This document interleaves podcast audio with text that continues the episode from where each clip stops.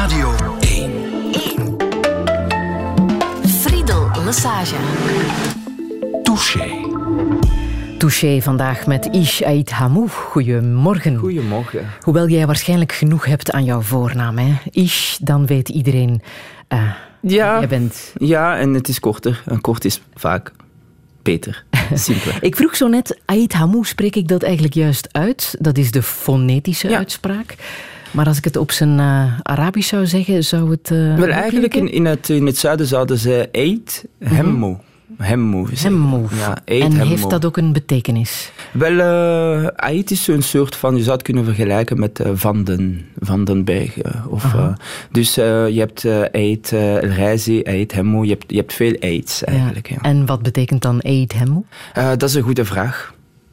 Dat, Dat, is een heel niet? goede vraag. Nee, ik denk Hemmo is van de namen van de ouders en de voorouders. En Ja. dus eh, zoon van, eh, zo'n soort gelijke. Ja. Maar ik weet eigenlijk niet of het een soort van eh, diepere betekenis heeft. Ik heb een opdracht meegekregen. Ik zal het opzoeken. We zijn zal- maar net begonnen. Ja, ik zal het opzoeken. Ja, in een vorig leven danser en choreograaf, mag Ja. ik dat zo zeggen? Ja, dat mag, ja, Ja, zeker. dat is echt een vorig leven, hè? want nu ben je vooral schrijver, Ja. auteur. Ben je al een beetje gewoon aan die titel? Eh, ja, dat, eh, ja, dat is een goede vraag. Wel, gewoon aan de titel. Ik, ik, eh, ik heb altijd... eh, ik ben nooit stilgestaan bij soort titels eigenlijk. Eh, Dus die wordt wel gegeven door sommige mensen, maar het verandert niets aan je leven. Het verandert ook niets aan hoe je jezelf ziet. Ik vertel gewoon heel graag verhalen en het is eh, zo gebeurd dat, dat, dat, dat ik van jongs af aan eigenlijk altijd heel graag heb geschreven. En op een latere leeftijd een opportuniteit heb gekregen om iets te kunnen publiceren. En zo is de bal beginnen rollen. Maar het is niet alsof dat je of, of, of dat jij jouw positie verandert omdat je nu een auteur bent. Of het zijn eenmaal gewoon titels eigenlijk. Want je hebt al vier boeken op jouw naam Ja. staan. En vooral die laatste, het mooiste dat we delen, daar valt heel veel over te zeggen. Gaan we het zo meteen ook eh, over hebben. Ehm, dat boek is al aan de negende druk toe. Ja. Is genomineerd ook voor de Nederlandse Boekhandelsprijs, Ja. waar je deze week meer nieuws over zal krijgen. Je bent ook naar aanleiding van dat boek uitgenodigd als auteur om mee te trekken met die karavaan van auteurs eh, die Saint-Amour Ja. aandoen. Dat eh, nog twee keer, denk ik. Hè? Nog twee keer. Nu woensdag in Brussel in de KWS en dan eh, in de Miri in Gent op zaterdag. Dat zijn de twee laatste. En hoe is het tot nog toe geweest? Heel fijn en heel leerrijk. Voor mij eh, bijzonder, omdat ik eh, in alle eerlijkheid, ik had, ik had nog nooit van Saint-Amour gehoord tot ik een mailtje had gekregen. Eh, en ik weet nog dat mijn uit- uitgeefster Marianne zei van, ah, dit moet je echt gaan doen. Dit is, dus dan zijn we samen gaan zitten met de organisators en, en dan kreeg ik te horen van... ja, we gaan fragmenten samen uitkiezen om voor te lezen. En ik dacht meteen toen ik dat hoorde, oh jee, voorlezen, dat is, dat is, dat is niet mijn ding. Nee? Nee, ik, nee, ik, ehm, ja, ik heb het altijd moeilijk gehad om, eh, om eh, voor te lezen, zeker in publiek voorlezen. Maar nu doe je dat toch? Eh, ja, en daarom dat ik zeg, een heel leerrijke ervaring. Ja. Eh, ik voel me veel makkelijker tegenover de eerste keer bijvoorbeeld. En, Mhm. en ik, ik, ik, voor de, enfin, ik begin met een klein fragmentje en dan na mij... eh, je hebt Dimitri Verhulst die naar mij leest en dan heb je Roderick Six. En dan zit ik daar van achter en ik hoor hun stemmen. Ervaren klassenbakken. Ja, je hoort ook... eh, eh, ja, je hoort gewoon ook de toon en de... de ja, hun stemmen gewoon. Ja, ja. En dan denk ik, oh jee. maar dat is gewoon hoe dat ik naar mezelf kijk eigenlijk. eh. Volgens mij doe je dat heel erg goed. ik doe mijn best.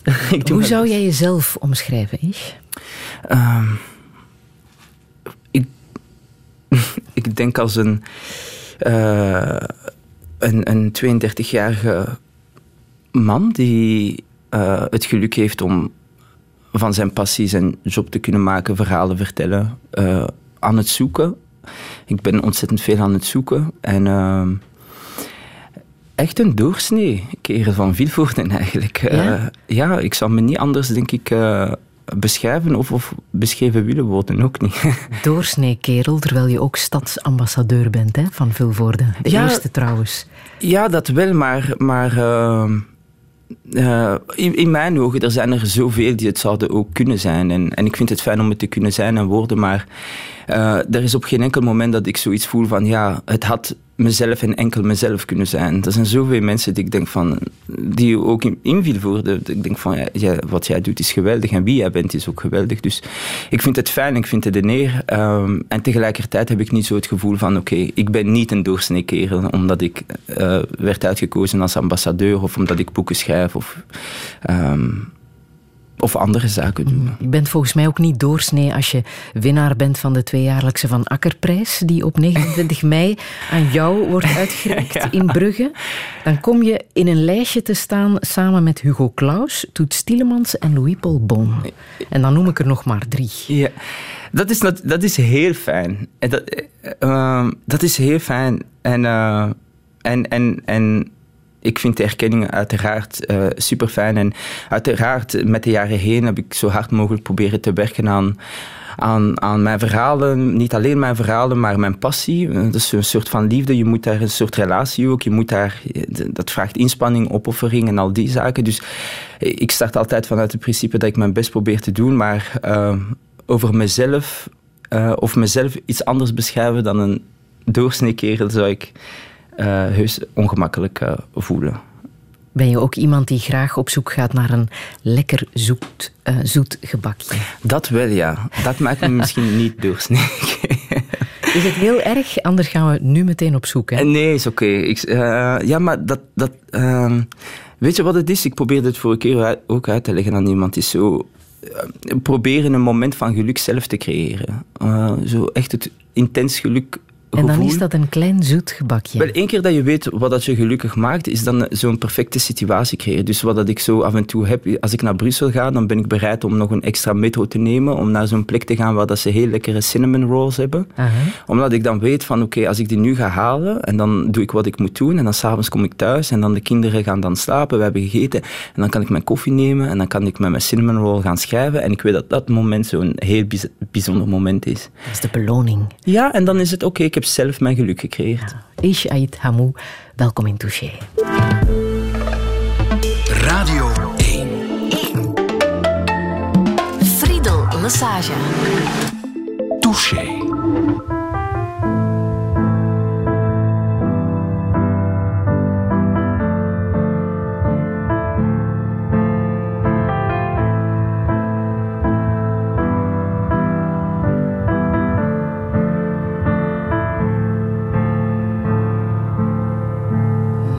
It's a few words between friends. You make me nervous though, as if you're not listening. No, you won't grow. You took me down.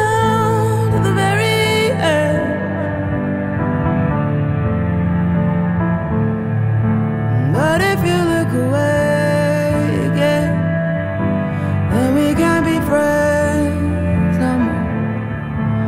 And if you look away again, no, we can't be friends no.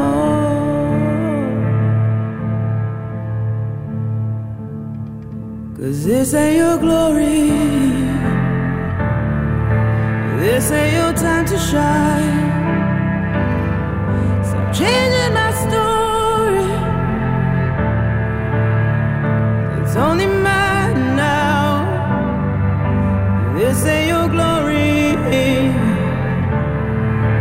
This ain't your time to shine.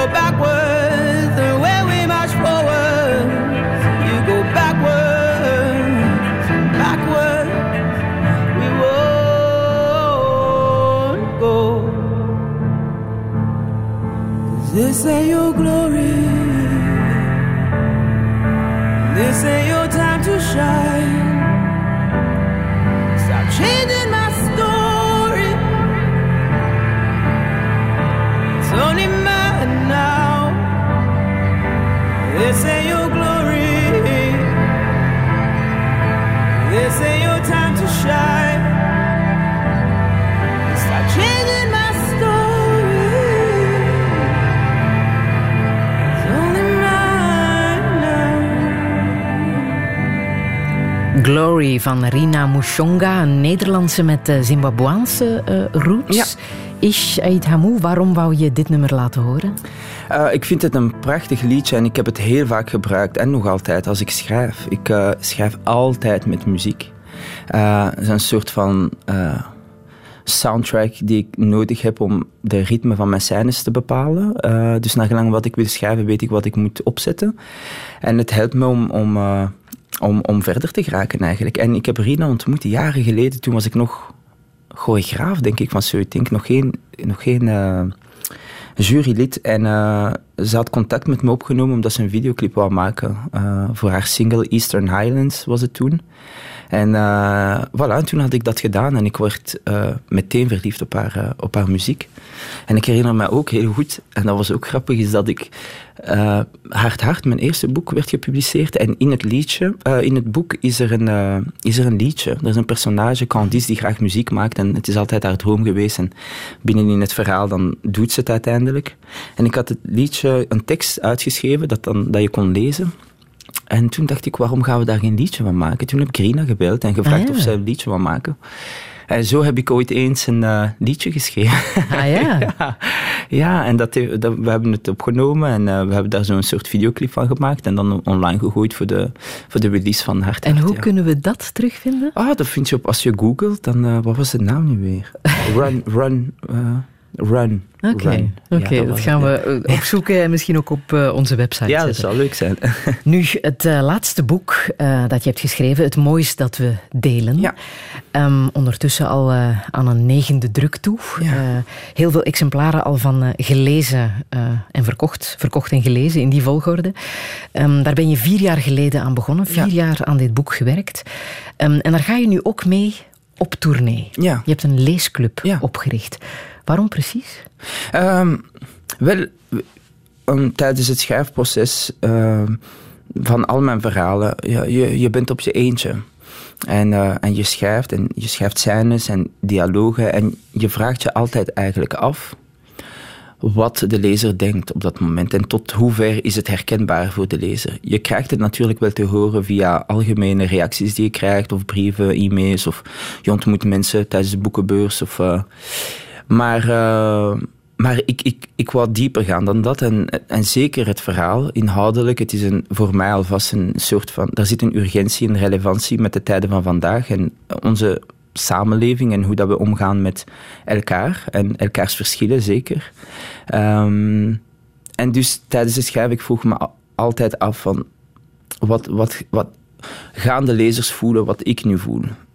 En je, je, er is een soort van eenzaamheid eh, dat je voelt terwijl dat je schrijft, omdat je natuurlijk ben je bezig met je eigen demonen en je eigen eh, gevoelens en ideeën en meningen proberen te verwerken binnenin een verhaal. Eh, en je denkt ook heel vaak dat je de enige bent die zich zo voelt. Ehm, en toen dacht ik van oké, laten, we, laten we naar de mensen gaan en, en, en dat ik met hen samen kan zitten en dat we erover kunnen praten en horen wat er naar boven komt, wat de vragen zijn. En, Dus ik dat ga kan- je een heel jaar lang doen. Hè? Je hebt ontzettend veel eh, leesclubs Ja, dat- doorheen het hele land. Ja. Ja. Ja. dat zei je. Dat ik dacht dat ik er maar een paar had, maar er zijn er eh, ietsjes meer dan ik, dan ik zelf dacht. Wat fijn is, want ik heb er al een paar gedaan en ik moet zeggen, ik, ik vind het een heel bijzondere ervaring. En ik zou eigenlijk voor alle, als er mensen zijn die verhalen of boeken schrijven, en dat er ooit eens een kans zou zijn voor adaptatie, voor film of theater, ik, dat is echt een aanrader. Ja? Ik zou vanaf nu, als ik ooit iets, nog een boek schrijf, of, of eh, ja, nog een boek schrijf en, en het zou een film worden of theater, ik zou eerst zo vijf of zes keer leesclubs gaan doen. Want de inzichten van de mensen en hoe mensen iets lezen dat jij zelf niet hebt gelezen, dat is omdat je, je schrijft heel bewust, maar vaak ook onbewust. En wat je krijgt te horen, geeft je ontzettend veel materie om er eh, verder over na te denken. Dat boek gaat over twee uh, figuren, twee hoofdpersonages. Aan de ene kant is er Sumya en aan de andere kant is er Luc. Je hebt ervoor gekozen om um, van Sumya een allochtone taxiterroriste te maken, zo benoem je haar in het boek. En van uh, Luc een oude, bange, blanke man. Ja. Waarom heb je het zo zwart-wit gesteld? Omdat, het, uh, omdat we zo kijken naar, uh, omdat we vaak ook zo kijken naar elkaar, heb ik het gevoel. Uh, we beginnen vanuit heel extreme. zeker als we het oneens zijn of we denken dat we aan elkaars overkant leven, bij wijze van spreken. Dus zo start het. Het start zwart-wit. Uh, zowel voor haar als ze kijkt naar haar omgeving en zowel voor hem als hij kijkt naar zijn omgeving. Dat is een startpositie. We, we komen ook vaak terecht in een situatie waar het uh, alvast wordt voorgeschoten als een zwart-wit verhaal. Mm -hmm. En dan begint het verhaal waar dat je de nuances begint uh, te horen, te zien, te voelen, hun levensverhalen, begrip.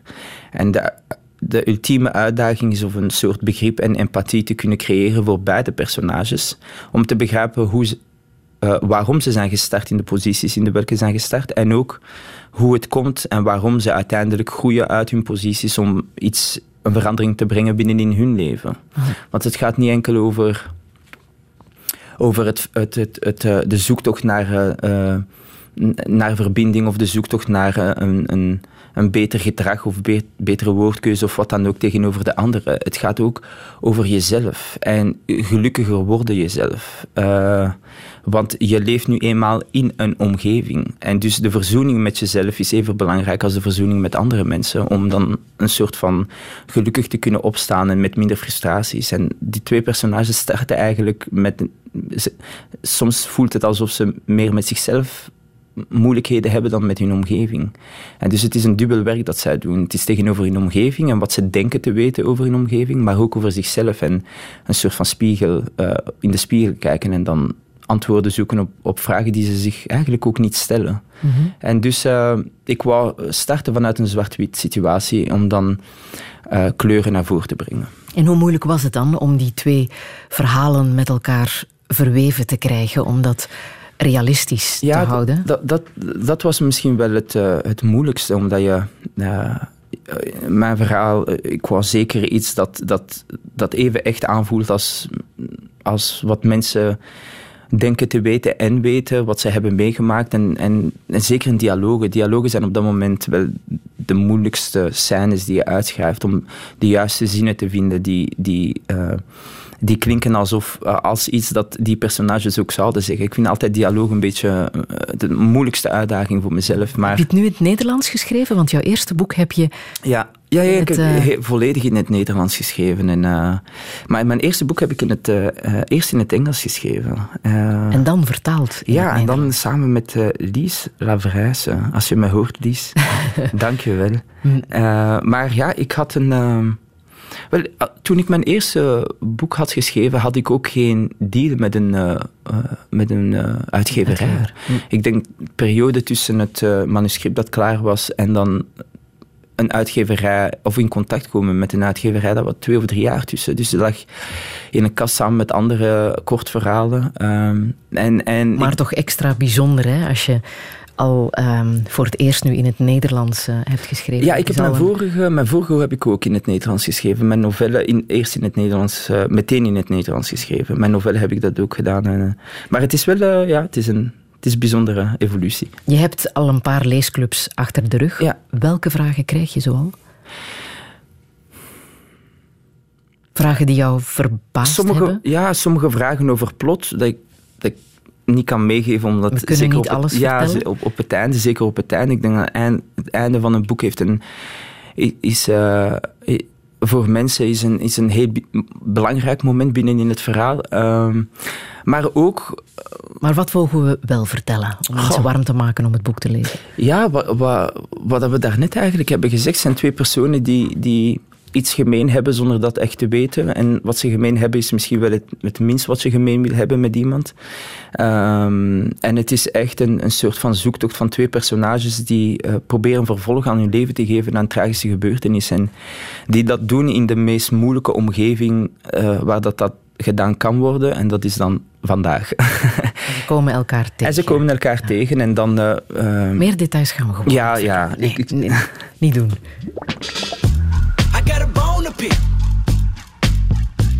Don't want you monkey mouth motherfucker sitting in my throne again.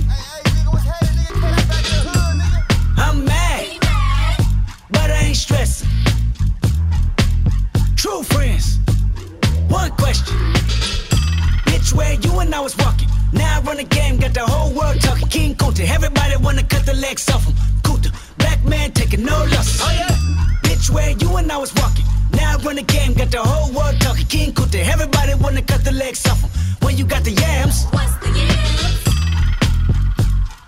The yam is the power that be. That be, that be, that be, that be. You can smell it when I'm walking down the street. Oh yes we can, oh yes we can. I can dig rapping. But a rapper with a ghost rider. What the fuck happened? Oh no. I swore I wouldn't tell. But most of y'all sharing bars like you got the bottle bunk in a two man sale. A two-man sale. Something's in the water. Something's in the water. And if I got a brown nose for some gold, then I'd rather be a bum than a motherfucking ball. Oh yeah. Bitch, where you and I was walking. Now I run the game, got the whole world talking. King Kunta, everybody wanna cut the legs off him. King Kunta, black man taking no losses. Oh yeah. Bitch, where you and I was walking. I run the game, got the whole world talking. King Kunta, everybody wanna cut the legs off When you got the yams, the yam brought it out of Richard Pryor. Pryor, Pryor, Pryor, Pryor. Manipulated Bill Clinton with desires. 24 7, 365 days times two. I was contemplating getting on stage just to go back to the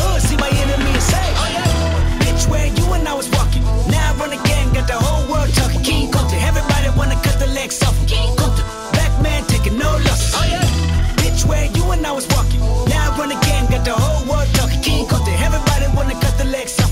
goat mouth mammy fucker. I was gonna kill a couple rappers, but they did it themselves. Everybody's suicidal, they didn't even need my help. This shit is elementary, I'd probably go to jail if I shoot at your identity and bounce to the left. Stuck a flag in my city, everybody screaming Compton. I should probably run from here when I'm done, to be honest. And I put that on my mama and my baby boo too. 20 million walking out the court, building woo woo. Yeah, fuck the judge, I made it past 25, and there I was, a little nappy headed nigga. with- Zeer aanstekelijk nummer van Kendrick Lamar uit eh, de CD To Pimp a Butterfly, King Kunta.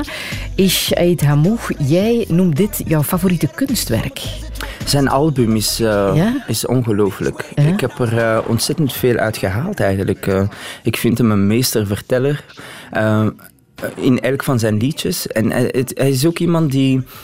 En dan weet je, eh, wat dat hij maakt is... eh, ehm, hij heeft een, nummer gemaakt eh, in zijn laatste album. Ik ben nu even de titel kwijt. Maar daarna, tijdens de protesten van de Black Lives Matter...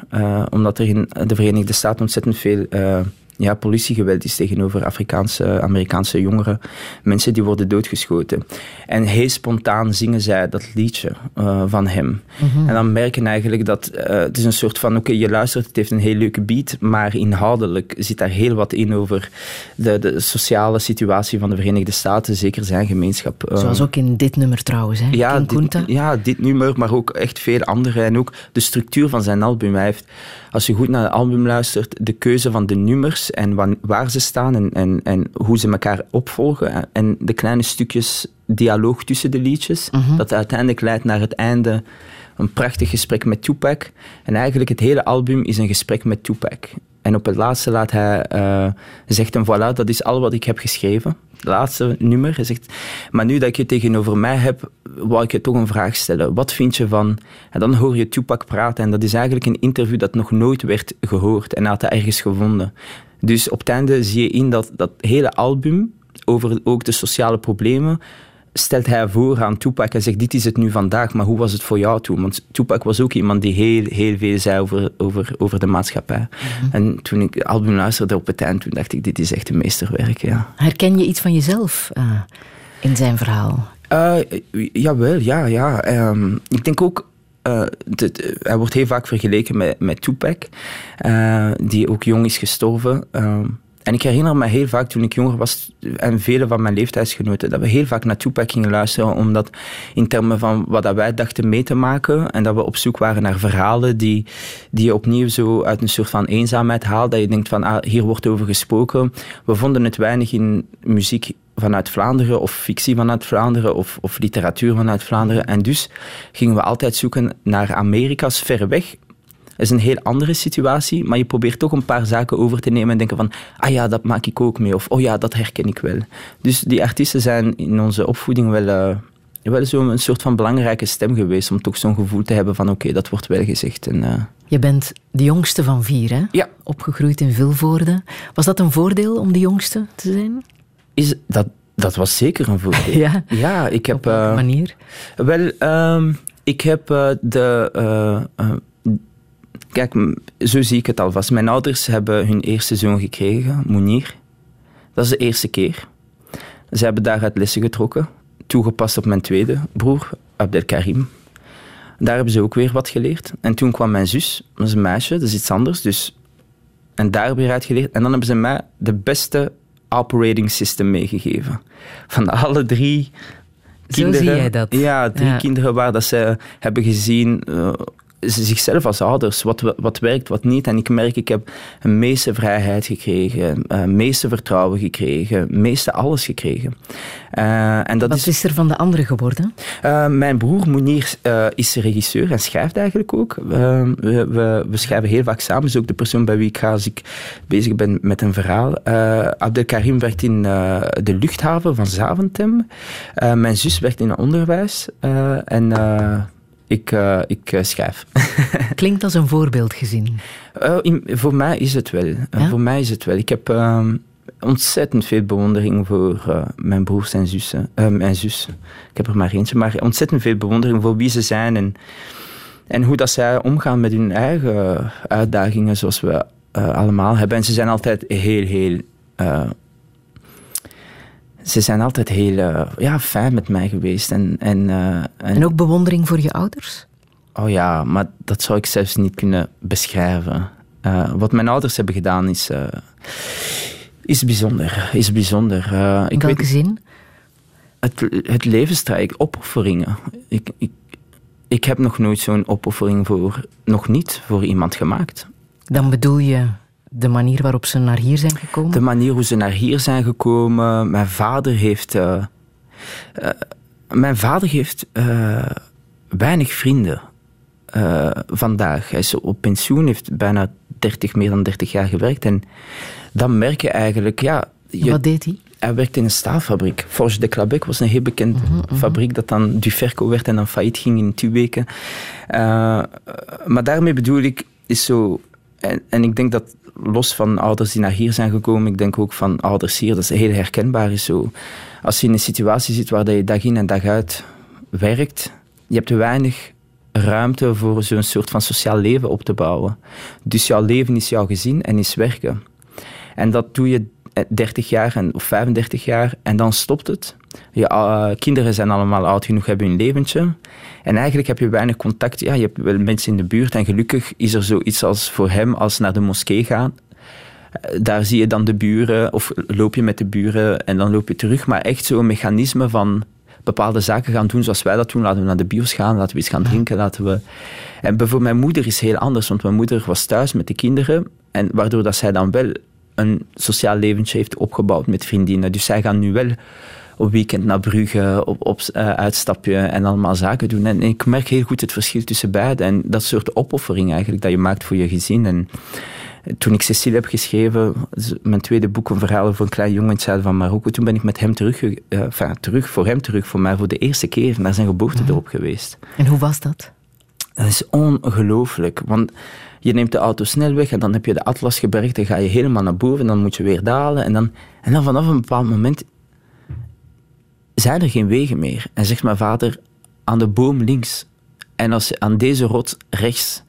En dan kom je op in een klein dorpje, begrensd door ja, een soort van heuvels. Daar, is, is heel klein, er is niets. En dan, toont mijn vader mij zijn, zijn, eh, zijn ouderlijk huis. En dan, eh, en dan denk ik, hoe ben jij in godsnaam in Vilvoorde terechtgekomen? Ik vond het heel bijzonder, want eh, we- ik denk soms, ja, ik heb van soort van moeilijkheden en dat zijn ze ook. Maar dan denk ik, wat hebben mijn ouders allemaal moeten meemaken om echt eh, aan te komen in een land waar ze de taal niet machtig zijn en zien wat ze allemaal hebben opgebouwd. En ja, eh, mijn vader was, was een van die mannen waar dat we het af en toe over het, het, het nieuws horen van sommige politici. Dat was een van die alleenstaande mannen die hier aankwam waar je voorzichtig en waar je op moest letten. En, eh, Maar En- dat je bewondering hebt voor hen, zeg je nu, hè, omdat je hun verhaal nu Ja, heel erg goed ja. kent. Maar hoe was het voor jou als opgroeiende jongere eh, in Vilvoorde? Je wou natuurlijk zijn zoals al die andere jongeren. Ja. Heb je je geschaamd? Heb je ja, dat, dat, je anders gevoeld? Je verveeld gevoeld tegenover je ouders? Eh, ja, dus sommige momenten wel. Ik, ik, het kan ook niet anders, omdat je... Ik denk dat... mm, kijk, vandaag, mijn grootste droom is om eh, anders te zijn. In mijn kunst. Tuurlijk wil ik...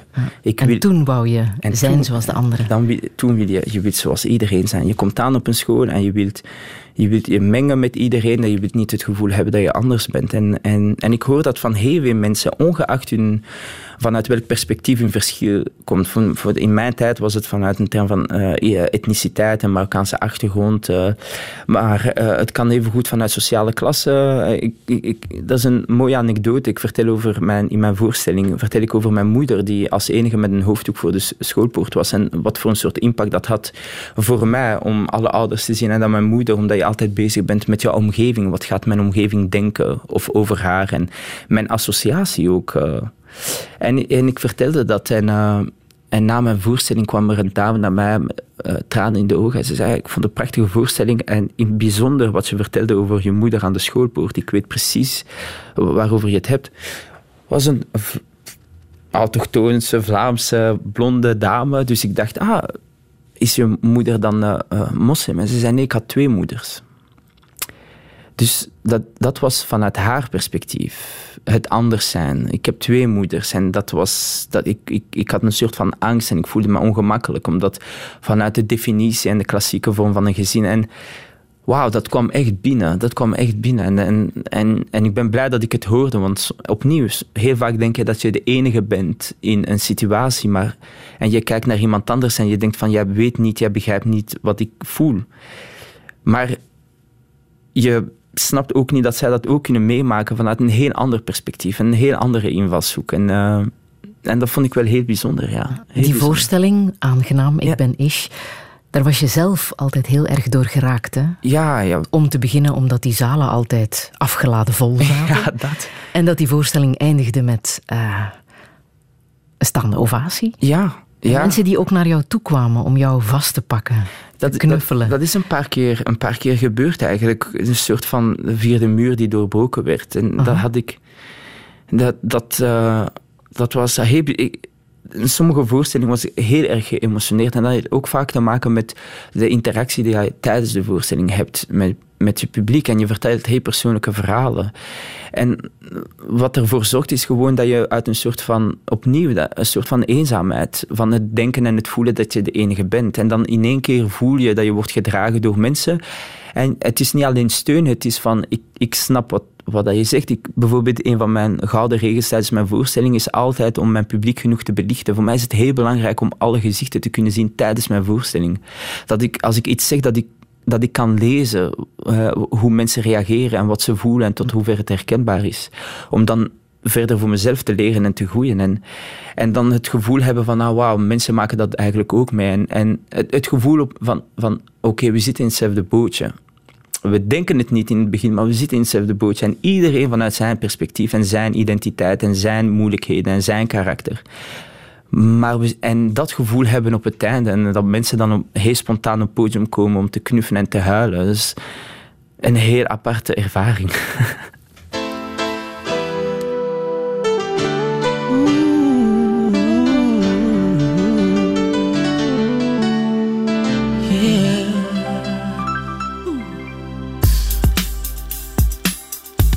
Come on, come on. I see no changes. Wake up in the morning and I ask myself, life worth living? Should I blast myself? I'm tired of being poor and even worse, I'm black. My stomach hurts, so I'm looking for a purse to snatch. Cops give a damn about a Negro. Pull a trigger, killing, he's a hero. Get it to the kids who the hell cares. One less hungry mouth on the welfare. First ship them, don't let them deal with brothers. Give them guns, step back, watch them kill each other. It's time to fight back, that's what Huey said. Two shots in the dark, now Huey's dead. I got love for my brothers, but we can never go nowhere unless we share with each other. We gotta start making changes. Learn to see me as a brother instead of two distant strangers. And that's how it's supposed to be. How can the devil take a brother if he's close to me? Uh. I let it go back to when we played as kids, but then changed. That's the way it is. Come on, come on. That's just the way it is. Things will never be the same. That's just the way it is. Oh yeah. Hear me? That's just the way it is. Things will never be the same. The way it is. Oh yeah. I see no changes. All I see is racist faces. Misplaced hate makes disgrace to races. We under. I wonder what it takes to make this one better place. Let's erase the wasted. Take the evil out the people, they'll be acting right. It's both black and white tonight. And the only time we chill is when we kill each other. It takes skill to be real time to heal each other. And although it seems evident, we ain't ready to see a black president. Uh, it ain't a secret, don't conceal the fact. The penitentiary's packed and it's filled with blacks. But some things will never change. Try to show another way, but you're staying in the dope game. Now tell me what's a mother to do. Being real don't appeal to the brother in you. You gotta operate the easy way. I made a G today. But you made it in a sleazy way. Sell it back to the kid. I gotta get Well, paid. hey, well, that's the way it is. Come on, come on. That's just the way it is. Things will never be the same. That's just the way it is. Oh yeah.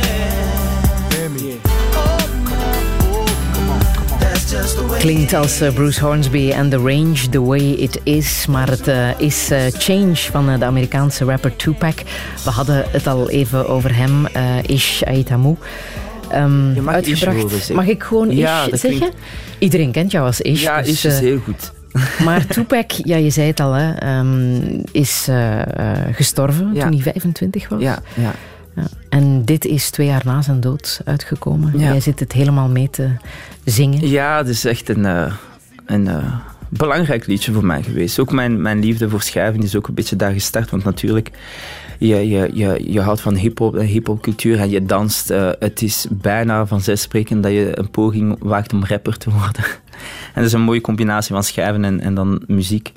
En ja, het is altijd voor mij een bi- bijzondere traject van zijn leven. Ja, maar de eerste echte change in jouw leven is volgens mij jouw uitwisselingsjaar geweest. Ja. Naar, eh, naar Amerika toen je 17 was. Ja, 17. Trok je naar L.A. Ja, eh, of eh, alvast ik wou naar Los Angeles, want mijn plan was, enfin, mijn plan was om zo ver mogelijk uit Vilvoorde te geraken. Punt. dat was het plan. Ik was ongelukkig in Vilvoorde, ik vond het niet fijn om daar te zijn. ehm, en ik was ook aan, al vier jaar aan het dansen. En alle gesprekken die ik voerde met mensen wezen naar één plek. En dat was Hollywood. Daar kon je het maken als danser. Daar zijn de artiesten, daar zijn de audities. Dus ik dacht, ik moet naar Hollywood. En ik zat achter mijn computer en dacht, oké, hoe raak ik nu als 17-jarige in Hollywood? En ik kreeg heel snel te horen dat er zoiets is was als AFS. Dat is een exchange program, eh, om mensen uitsturen. En ik dacht, oké, dat ga ik doen. En ik heb me ingeschreven en ik moest een soort van kleine tests doen. En, eh, en ik ging naar mijn ouders en ik zei van, kijk, ik zou heel graag eigenlijk eh, een jaartje naar Amerika willen gaan. En mijn moeder zei nee. Dat was geen optie voor haar. Hè. Haar, baby. Ik ben nog altijd een baby van mijn mama. Zegt, ik stuur mijn baby niet weg. En, mijn vader gaf me denk ik wel een van de beste antwoorden die, die je mij als zoon alvast kan geven. En hij zei tegen mij, hij zegt, is goed, maar je moet het zelf betalen. En dat, vond ik, dat dacht ik, dat is het makkelijkste dat ik kan doen. Dus ik heb een jaartje gewerkt eh, bij DHL als student. Eh, ik herinner me heel vaak, dat shifts van eh, TNT en DHL was shifts van eh, eh, eh, drie of vier tot zeven. En dan kwam ik snel thuis, want de luchthaven is dicht bij Vilvoorde, snel een douche en dan ging ik naar school. En dan, en dan had ik genoeg geld en ik ben vertrokken en dat was een van de meest eh, belangrijke jaren in mijn leven.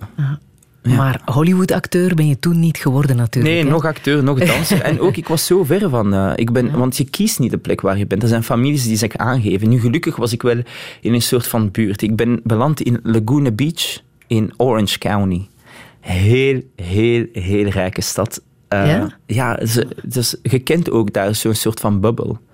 De, de- de- destijds waren er ook op MTV waren er zo van die reality, de eerste van die reality shows over zo, dat ze zo zes jongeren volgen die heel rijk zijn. Dat was toen in Laguna Beach. En, eh, en ik was Daar daar, zat jij tussen. ik zat daartussen. Eh, eh, ik vond het ongelooflijk. Dat, ook de, de school waarin ik zat is, Ja? is, niet, is gewoon niet te vergelijken.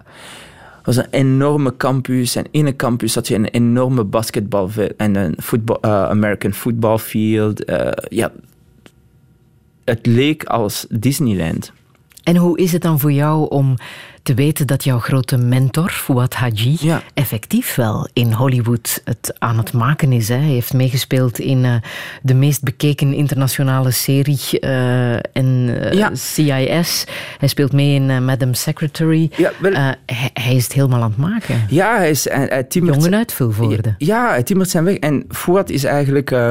toen ik jonger was en ik zag een clip van Run DMC en dat waren allemaal breakdancers. En ik begon te, te, te dansen en mijn moeder is bevriend met, met zijn moeder. En, zij liet mij weten van, Fouad danst ook. Eh, dus ik, het is lang geleden, maar ik weet niet meer hoe we samenkwamen. En hij was eigenlijk hij was de leider van onze dansgroep. En hij was veel ouder dan mezelf. En hij is altijd een mentor voor mij geweest, omdat hij mij oprecht heeft eh, eh, geleerd wat professioneel betekent en hoe dat je dat moet zijn. Ik herinnerde mij heel goed hoe hij omging met... hij gaf dansles en ik ging hem dan assisteren. En hoe zijn taal veranderde. Eh, als wij eh, eh, ergens zaten te chillen in een, bushokje, en wanneer dat hij aankwam in een, in een dansschool waar de eigenaar was. En, hoe dat hij ja, gesprekken voerde en zijn taal. En ik was altijd als kleine jongen aan het luisteren en ik dacht, oké, ik snapte het. Ik dacht, oké, er zijn momenten. En naar gelang waar je bent, is er een ander soort taal dat je kan beheersen en, zou moeten beheersen om een ander soort van, van toegang te krijgen. Maar zo die kleine zaken. En ik ga nooit vergeten, heel snel, hij, hij, hij- hij gaf les in Assen. En ik ging altijd mee op woensdagnamiddag. En hij ging drie maanden naar... Hij studeerde nog. En hij ging drie maanden naar Atlanta voor zijn master. En ik mocht dan. Ik mocht hem vervangen. En hij zei tegen mij, wil je per maand uitbetaald worden, zoals gewoonlijk? Of wil je, als ik terug ben, dat alles in één keer wordt betaald? En dat waren de drie maanden voor de zomervakantie. Dus ik zei aan hem, zeg aan de eigenaar dat hij het, het geld houdt. En dan als je terug bent, mag je het geld vragen. Dan heb ik genoeg om meteen op vakantie te vertrekken. En hij kwam terug en wij gingen het geld halen. En die man eh, gaf maar een derde van het bedrag. En, eh, en ik dacht, ik, en ik werd boos. Ik werd echt heel boos. En ik zeg, ah, hoezo een derde? En die man zei, ah ja, als ik eh, Michael Jackson inhuur en hij wees dan naar Fuad en ik krijg Tito en hij wees dan naar mij, ja, dan betaal ik niet dezelfde prijs. En ik voelde van binnen een soort van woede en ik wou iets zeggen en hij kneep me bij de hand vast. Hij kneep me bij de hand vast om, om blijf stil. En hij ging meteen in een gesprek en wij kregen al het geld. Maar de, zijn rust op dat moment, wauw, dat, was, dat was echt een heel belangrijk moment in mijn leven. En ik dacht van, oeh, kijk waar je, in mijn ogen, de rust, sereniteit, waar het ons heeft gebracht. En dat was het volledige geld krijgen. En ik denk dat mijn methode was niet gelukt. Maar ondertussen wel, hè? want ondertussen straal je inderdaad wel die rust uit, hè? wat je ook doet. Wel, ik heb mentors gehad. Ja. Ik heb, en niet alleen Fouad, en, en vanuit thuis uit en vanuit andere mensen. En, eh, en los van een soort van het te doen om een bepaald resultaat te halen, het belangrijkste, eh, het belangrijkste resultaat van die weg te be- bewandelen, is innerlijke rust en gelukkiger zijn en sneller kunnen relativeren. Omdat het, het, het, het vraagt zoveel energie om negatief te zijn. Het vraagt zo, het, zoveel energie. En ik denk dat we als mensen ook verschillende petjes moeten dragen en willen dragen. Je wilt, je wilt een kunstenaar zijn, je wilt bij de radio werken, maar je wilt ook een vader of een ouder zijn. Je wilt ook een goede zoon zijn, je wilt een goede vriend en collega zijn.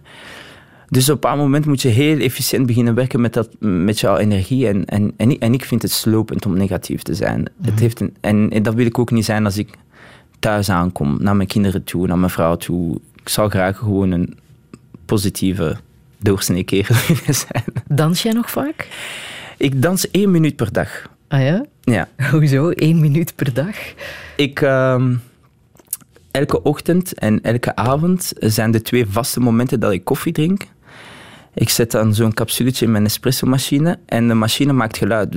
En dat zit in de keuken. En tijdens de 30 seconden dan dans ik. Ja. Dan is mijn koffie klaar en dan drink ik mijn koffie.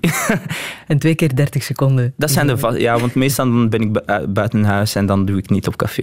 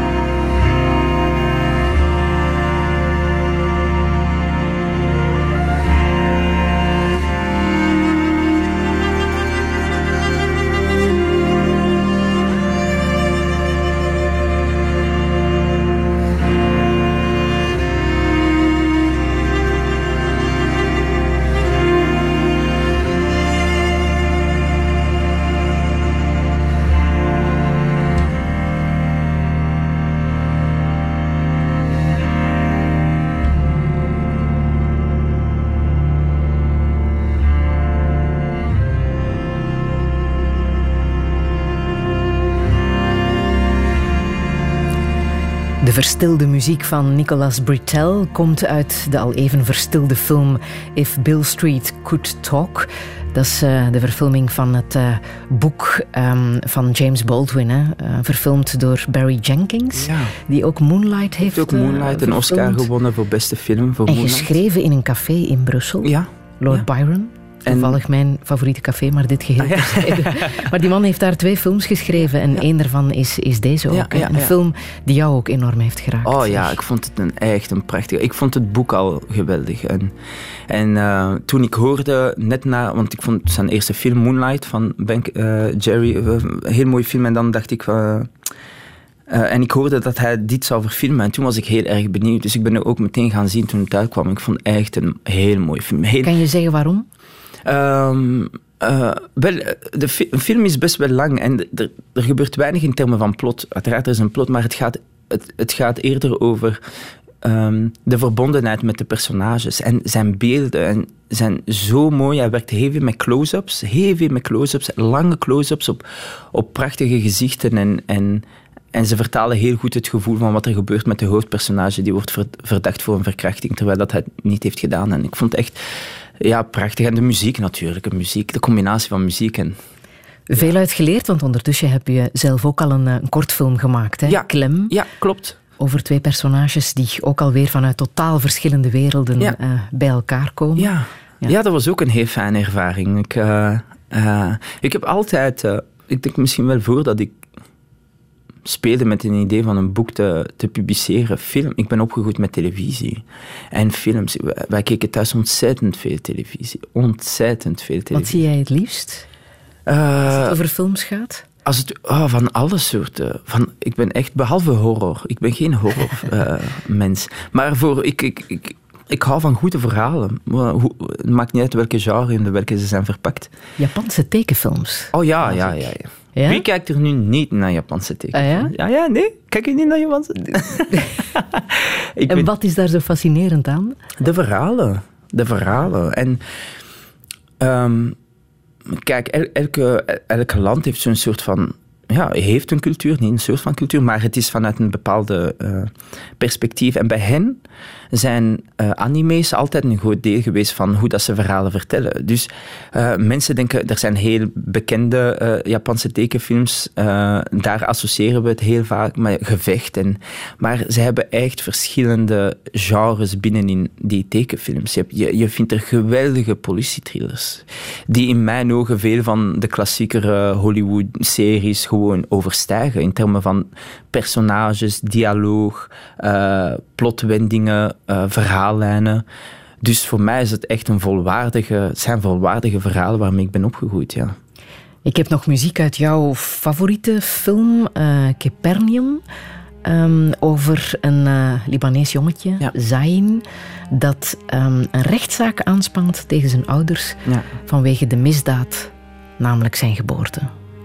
Waarom raakt jou dat zo? Je moet de film zien. Is echt, is, is Het idee het ook? idee ook. Het idee dat zo... Ja, dat... Ik... Ik heb een tijdje voor Radio 2 elke donderdag een, zo'n soort van eh, rubriek gekregen. En ik ging dan mensen bezoeken die mij een brief hadden gestuurd. En een van die... Het was een man in Gent, denk ik, die ik ben gaan zien. En het was een, gelijk, een soort... hetzelfde verhaal. Hij was bezig met de vraag, wetende wat hij heeft meegemaakt als, als klein jongetje met zijn ouders. Die zich de vraag stelt van, mag, mag ieder... Mag, mogen, kan iedereen een ouder zijn? Dat is iets vanuit mijn opvoeding nooit een kwestie. Maar ik heb een geweldige leven thuis gehad. Geweldig. En geweldige ouders. Maar dan hoor je iets dat in één keer ingaat tegen je, je, je systeem, bij wijze van spreken. Dat is iets heel raar, zo. een soort van glitch. En, ehm, en, en als je de film kijkt, dan, dan het is zo, zo mooi en hartbrekend tegelijkertijd. En kon je begrijpen waarom hij zijn ouders een rechtszaak aandoet? Ja, ja. Dat is de kracht van een mooi verhaal. Is dat je empathie hebt voor...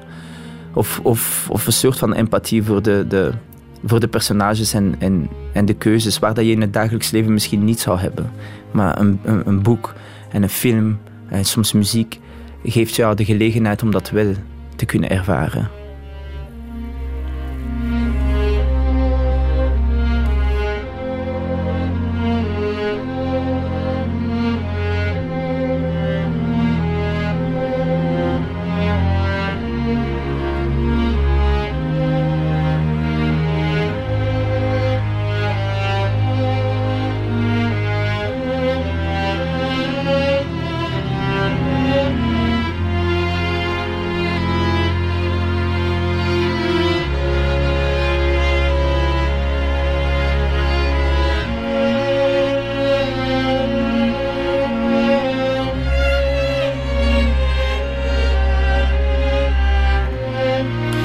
Ook al zo'n mooie verstilde muziek uit de film Capernaum.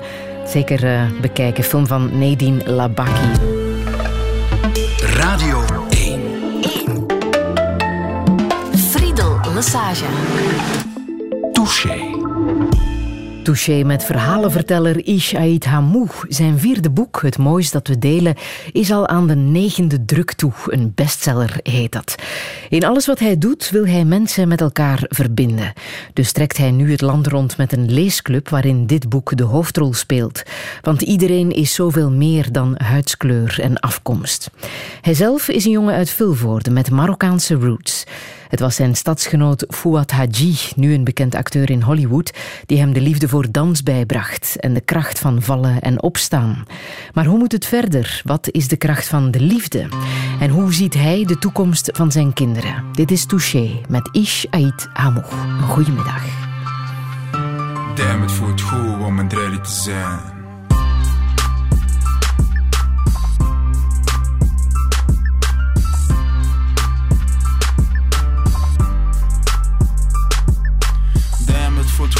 om te. Om de hoek rustig stallen met wat piepen. Al is het min 10 graden en mijn tenen zijn bevroren, is het dat in nacht gewoon altijd te kasseren. Een echte draai verandert voor niemand. Hij blijft cool en hij weet wanneer te flexen. Ik had de kwaad af en toe, maar een draaier wordt nooit moe, Blijf warm, dus je hoeft hem niet te testen. Demo het voelt goed om een te zijn. Rustig cruisen door de stad in een golf. Soms is er wel een haat, maar een drijder blijft bescheiden. Zo haal je de wolf in de melkkorf. Een nichtje drijder weet wat echt is. Haal het niet foppen door al dat schijn. Dus ergens naar de nieuwe, ergens naar de harders. Het voelt zo goed om een drijder te het zijn. Het voelt zo goed om een drijder te zijn. Het voelt zo goed.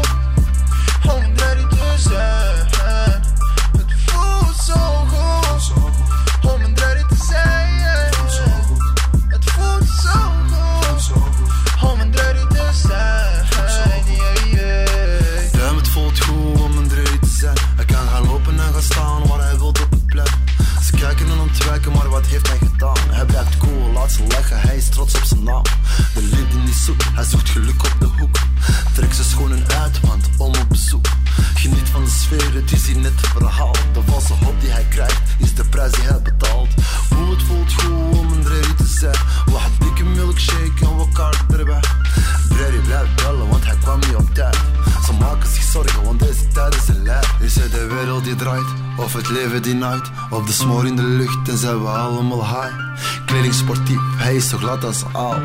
Duim, het voelt goed om een dreddy te Het zijn. voelt zo goed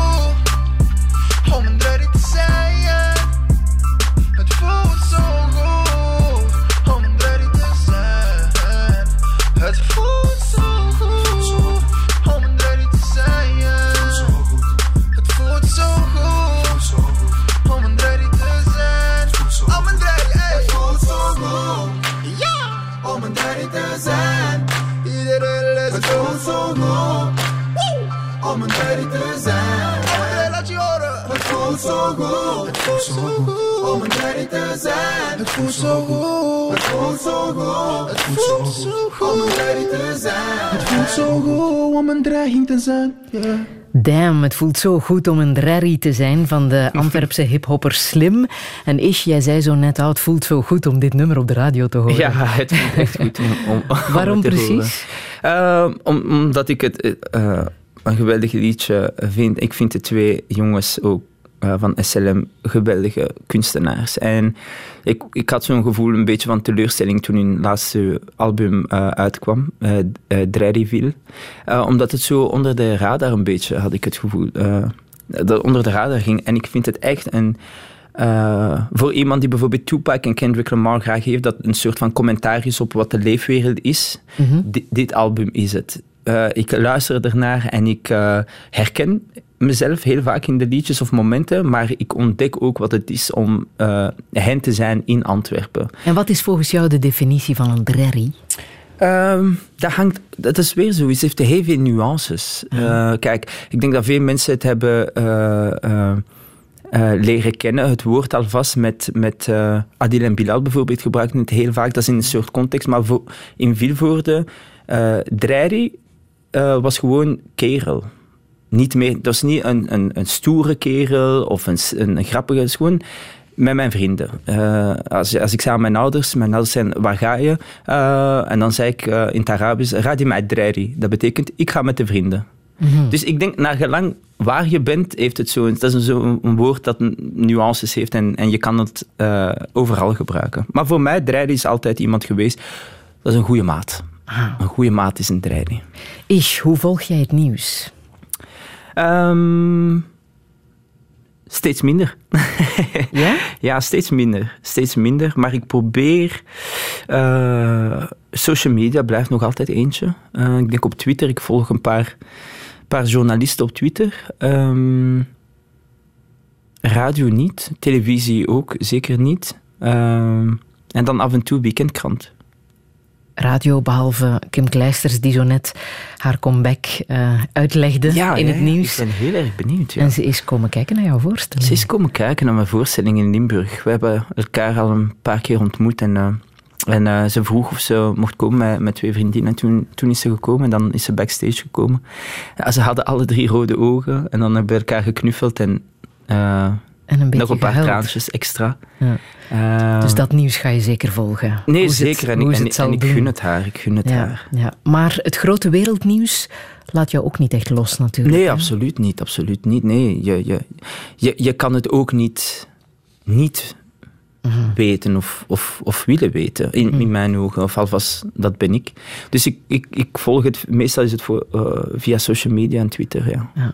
Ik weet niet of je het eh, programma Tussen Oorlog en Leven hebt gezien op één, waarin Rudy Franks met twee gasten die nog nooit een oorlog eh, van dichtbij hebben gezien, ehm, naar Afghanistan, Irak en Somalië is getrokken. Ik wil daar een klein fragmentje uit laten horen. Twee acteurs, Geert van Rampelberg en Katrien de Ruiser, die trokken met eh, Rudy Franks naar eh, Mogadishu. En eh, dit was hun reactie. Ik vind het ongelooflijk dat hier geen hulp is. Voor, eh allee, ongelooflijk, nee. Ik vind het verschrikkelijk dat hier geen hulp is voor zo'n mensen. Dat... En dat er weinig hoop is. Dat hier niemand een opleiding krijgt, dat hier geen onderwijs is. Dat... Ja, en weten dat dit één plek is, maar dat er zo 2000 zijn. plaatsen... 2000 kampen of zo. Touché. Ish, ik laat het horen omdat jij iets gelijkaardigs hebt gedaan. Hè, voor het eh, programma Terug naar Eigen Land op eh 4. Met Martijn Heijlen heb je de vluchtelingenroute gevolgd. Ja. Vanuit Somalië en Irak over eh, Griekenland, Turkije, Servië, Macedonië naar België. En ik denk gelijkaardige beelden gezien. Ja, waren- ervaringen. Wij, waren ook in, in Mogadishu. Dus ik herken wat ze zeggen. Het is heel indrukwekkend. Omdat het... eh, eh, los van wat dat je ziet, het is zo... Mijn ervaring op plekken, dat zijn altijd twee elementen. Het is wat dat je ziet en te, eh, te horen krijgt. En is wat dat je voelt. Ehm, en dat is zo'n plek waar je iets voelt dat je nog nooit ergens anders ooit hebt gevoeld. Is zo'n soort nieuw, van, nieuw emotie dat naar boven komt, dat, dat jij zelf niet goed kan begrijpen of uitleggen en ook voor jezelf niet goed weet wat het is en, en hoe dat je eh, daarmee moet omgaan. Nou, Het kan niet anders dat zo'n reis jou eh, verandert. Hè? Het verandert je. Het, het, het, eh, voor, voor mij persoonlijk, het- er was een is voor de reis en een is na de reis. Ja.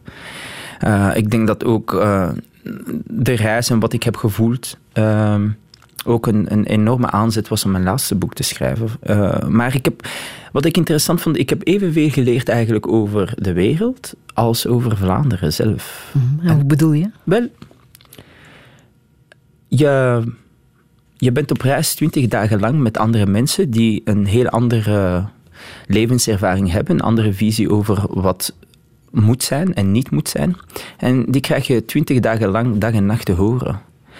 Vroeger, als ik iets hoorde waar ik het oneens mee was, of, eh, of eh, ja, je, je zet je telefoon weg, of je doet je tv uit, of eh, je kan weglopen, bij wijze van spreken. En dit Maar nu kon ben je- hier niet. Nee, nee, hier ben je geconfronteerd met hem. En, en dat is iets in bijzonder dat ik daar heb on- geleerd, dat ik eigenlijk nog nooit ervoor had echt begrepen zoals ik dat daar begreep. En Want jouw reisgenoten waren Margriet Hermans, Soual Demir, Jean-Marie de Dekker, Gabriels, ja, Jean-Marie de. Dekker en Veronique de, eh, Veron- Veronique de, Winter. de Winter, dochter van. dochter van Philippe de Winter. Eh, En uiteraard, als je zo lang op reis bent, je praat met Je elkaar. praat, je van praat. s morgens tot s avonds. Je En- deelt meningen. Dat was één. En de beelden zijn... eh, dat, zijn zo, dat was zo'n promoclipje ook, dus je kan het gemakkelijk terugvinden. Ik ga het proberen zo goed mogelijk uit te leggen. Maar we waren in een kamp. En we waren in een tent van een man eh, die een klein baby had en, en die wou een oversteek doen. En ik raakte verzeild in een best wel een discussie met Jean-Marie de Dekker. En, eh, en hij had het over eh, Vlaanderen, over België. En toen zei hij iets, hij gebruikte een metafoor. En hij zei van, kijk, als, als, als ik eh, thuis ben eh, en iemand komt thuis eh, om iets uit de frigo te halen, of iets van mijn frigo nemen, ik quote niet zo goed, hè, maar het, algemeen ging het over de metafoor van het thuis zijn en de frigo, en dat hij dan het gevoel had, ik mag daar iets over zeggen en iets aan doen. En ik had België nog nooit zo gezien. Ik, het, ik, zie, ik had nooit de connectie ge- gelegd tussen mensen die het gevoel hebben dat België hun eigendom is. Snap je wat ik bedoel? Dat komt inderdaad een paar keer naar boven, dacht ik. Ja. Is zo de, de, de, de frustratie start vanuit een gevoel dat je, het land ziet als je eigendom en dus nieuwe mensen of nieuwkomers, los van beleid en, en hoe en wat, maar gewoon het algemeen gevoel. En dat was voor mij iets dat ik, want ik heb, ik heb het nooit als mijn eigen. Ik, ik eh, beschouw mijn stad niet zelfs als mijn eigendom. Eh, ik, ik heb, het dichtste dat komt bij mijn eigendom is mijn huis. Eh, en dat is ook gedeeld eh, met mijn eh, vrouw en dan ook met mijn kinderen nu. Maar het hele concept van een land zien als je eigendom, dat was iets nieuws dat ik dacht van, ah, wauw, dat, dat begon in één keer heel wat te verklaren van sommige soort frustraties, als dat gevoel ook terecht is. Ik weet het niet als dat echt, als dat een soort façade is of is dat echt? Hebben mensen echt het gevoel dat het echt hun eigendom is, net zoals ze hun eigen gsm als hun eigendom ervaren of hun huis? Heb je, is dat gevoel vertaalbaar op iets zoals een land? Ik kan begrijpen dat je zegt van, dit wil ik niet en dat, maar de, de link tussen eigendom en een land, dat vond ik zo... Dat was zo'n soort van revelatie voor mij. Dat ik dacht van, oh wauw, hebben mensen dat echt? Eh, Omdat ik dat nooit heb zo ervaren. eh, Zijn er momenten geweest waarop je je echt kwaad hebt gemaakt tijdens die reis? Uiteraard. Wat heeft jou het meeste kwaad gemaakt? Eh, Wat daar gebeurde of de reacties van je reisgenoten? Ehm, een combinatie van beide. Een combinatie was sommige momenten van wat daar gebeurde en hoe het werd aangepakt. Wordt ze heel boos. eh, Zoals de dingen die je aan den lijve kon ondervinden. Hè? Je hebt in een koude vrachtwagen gezeten. Ja, dat. Maar me- voor mij was het meer bijvoorbeeld... Ik herinner mij dat we... Dat, er was een trein en de mensen gingen, we waren samen s'avonds met mensen die van de ene kant van een land naar het andere werden gebracht. Eh, want dat was zo'n soort van doorschuifsysteem van... men- mensen die aankomen om, om asiel aan te vragen, liever eigenlijk dat ze bij een ander land gaan. Dus ze helpen hen om een land over te steken dan met een trein. En, eh, en dan kwamen ze dan aan aan de andere grens, maar dan werden ze bijvoorbeeld aan de voorlaatste halte afgezet. Om dan te stappen in de kou de sneeuw. Zo van die kleine elementen dat ik, dat ik persoonlijk, eh, opnieuw persoonlijk, dat ik dacht van nou, dit, dit maakte mij kwaad. maar ook eh, sommige reacties. eh, en ik denk dat dat eh, normaal ik, voor- ik, ik veronderstel dat ook sommige van mijn reacties andere medereizigers heel kwaad hebben gemaakt. Dus vanuit het begrip dat iedereen het start vanuit zijn eigen levensvisie en zijn, zijn mening, dat dat kan botsen met anderen. Maar wat dat ik het meest mee, mee of het moeilijkste vond ik vaak als er niet, in mijn ogen, als er niet werd geluisterd naar wat de verhalen waren van de mensen. Dat meteen zo'n soort van iemand, iemand die je ontmoet start zijn verhaal en dat je dan meteen met tegenargumenten komt. Ik denk, de- daar, daar, is niets, daar is geen punt te winnen met, met de mensen. Het is geen soort van debat waar dat er voor voorverkiezing op zijn Amerikaans, waar dat dan iemand wins the debate en dat heeft een impact op. Ik dacht van, het enige wat, je, wat ik dacht dat ik kon doen, is luisteren naar die verhalen en dan daarna denken en dan het eens zijn of het oneens zijn. Maar zo iemand proberen die midden in zijn weg met zijn kinderen proberen argumenten naar boven te halen. Ik zeg niet dat dat niet mocht of niet kon, maar ik had zoiets van... Ik, we hebben nu even opportuniteit om eens te horen wat het verhaal is. Waarom gaan we nu, wat dat wij in ons land keer op keer herhalen, nu gewoon weer een verhaal onderbreken om dan iets te horen dat we al honderd keer thuis hebben gehoord. Dus laten we even luisteren. En dan kunnen we misschien daarna onderling, als wij wel in ons hotelletje met eh, de drie gangen maaltijd eh, debriefen de dag, dat we dan wel daar eventjes kunnen zeggen van, wat vond jij ervan? En ik ben het eens oneens, maar zo... Ik denk ook dat die mensen daar niets aan hadden eigenlijk. Maar begrijp je dat mensen vluchtelingen gelukzoekers, profiteurs noemen? Begrijp ik, begrijp ik dat? Ik begrijp dat een mens eh, van alles kan zeggen en zegt vanuit zijn perspectief. Dus begrijp ik dat dat gebeurt? Ja. Ben ik daarmee eens? Nee. Eh, er is een verhaal. En eh, ik zit in een situatie, en dan ook het verhaal dat je krijgt te horen, dan kan je. Ik probeer echt afstand te houden van dat ja, dat is te begrijpen, nee, dat is niet te begrijpen. Snap je wat ik bedoel? Is zo van, ik weet wat mijn mening is daarover, maar ik merk elke keer dat ik mijn mening ook naar voren probeer te schuiven, dat je zo voor een soort van confrontatie zorgt op een of andere manier, wat niet de bedoeling is. Maar er is altijd een verhaal en ik pleit altijd voor het verhaal te horen. En dan daarna, als je het hele verhaal hebt gehoord, her, herbekijk je mening. Als het hetzelfde is, ja, dan denk ik niet dat er iets anders jouw mening zal kunnen veranderen. Maar als er iets is dat jouw mening zou kunnen veranderen, positief of negatief, het start met het hele verhaal. Zonder het hele verhaal begint het heel moeilijk te worden om een soort van mening te hebben over iemand anders zijn actie en zijn daden en Je zijn bent eh, beweegredenen. je sindsdien, sinds die reis, ook meer gaan verdiepen in eh, het spel van de politiek. Hè? Ja. Ja, dat had ik ook nodig voor mijn boek, om eerlijk te zijn. Ik heb een van de moeilijkste, van de, de, de best wel zware eh, traject was iedereen volgen op Twitter om te horen wat. En welk inzicht heb je daar dan aan overgehouden, over dat spel van de politiek? Ehm, Dat mijn, dit een spel is? Ja, mijn, mijn, mijn soort van eh, vertrouwen of eh, hoopvolle idee dat het, eh, dat het niet, niet altijd, want het kan niet altijd, maar zoveel mogelijk start vanuit het proberen het, het, het welzijn van een volledige bevolking, dat, dat is weg.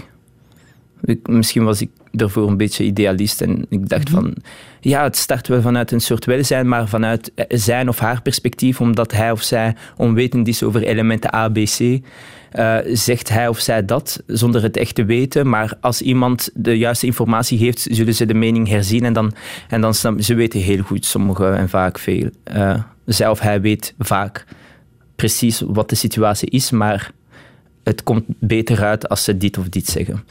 En dat is teleurstellend.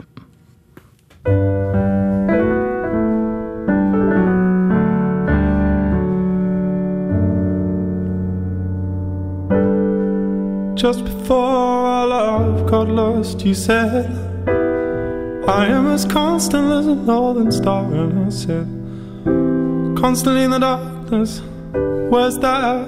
If you want me, I'll be in Laval. On the back of a cartoon coaster, in the blue TV screen light. I drew a map of Canada, oh Canada. Your face sketched on it twice. You're my blood, you're my holy wine. You taste so bitter and so sweet. Oh, I could drink a case of you, darling. I would still be on my feet. Oh, I would still be on my I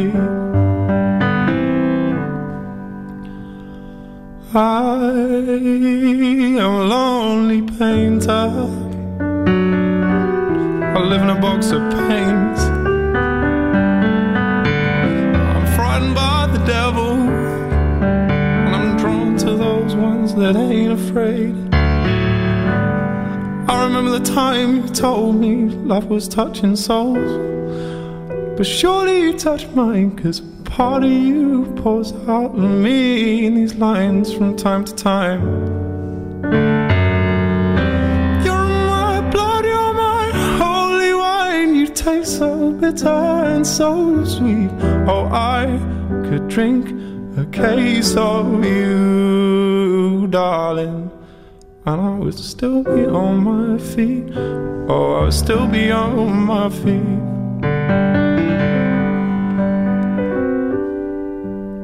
I met a woman, she had a mouth like yours. She knew your life. She knew your devils and your deeds. And she said, Go to him.